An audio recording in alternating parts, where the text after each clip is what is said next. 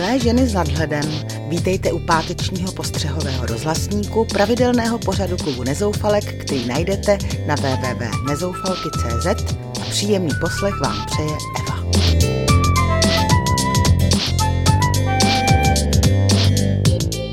Dnes jsme si vzali na mužku smutnou zprávu o tom, proč potraviny zase podraží.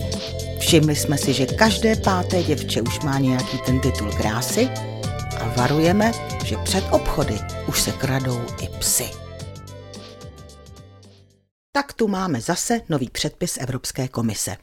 V reklamě na potraviny se už nesmí lhát. Takže přichází konec jogurtů slibujících posílení imunity i tyčinek plných našlehaného mléka. Komise odhalila na 16 sloganů, které klamou spotřebitele.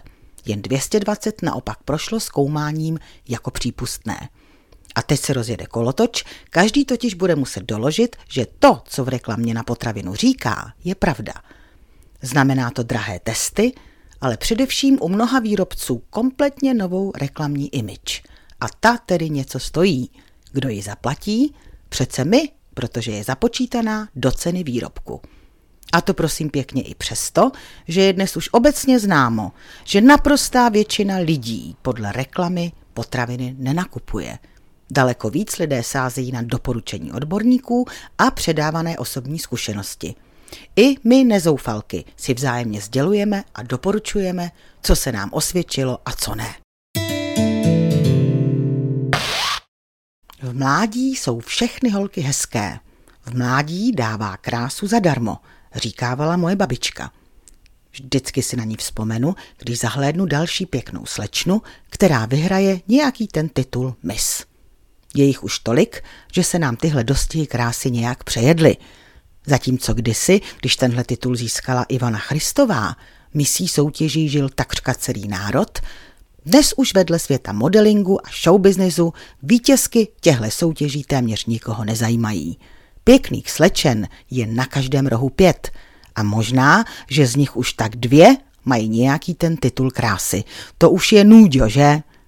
Myslím, že daleko pozoruhodnější jsou ženy, které už v životě něco dokázaly. Jak říkávala moje babička, vypadat dobře po čtyřicítce, to už je umění.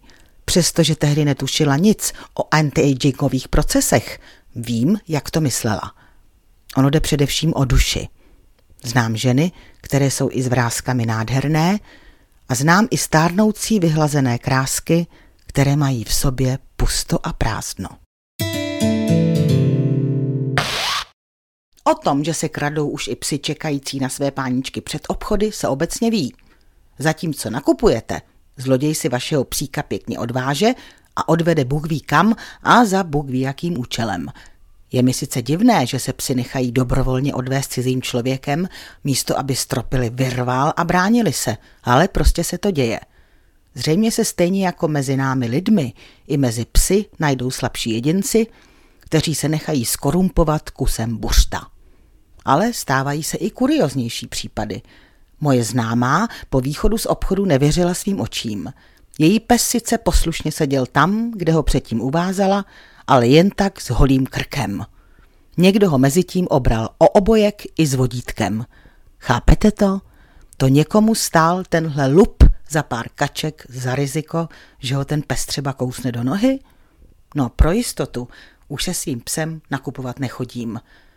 Už by mě mezi regály asi pořád vrtelo v hlavě, co se asi děje tam venku.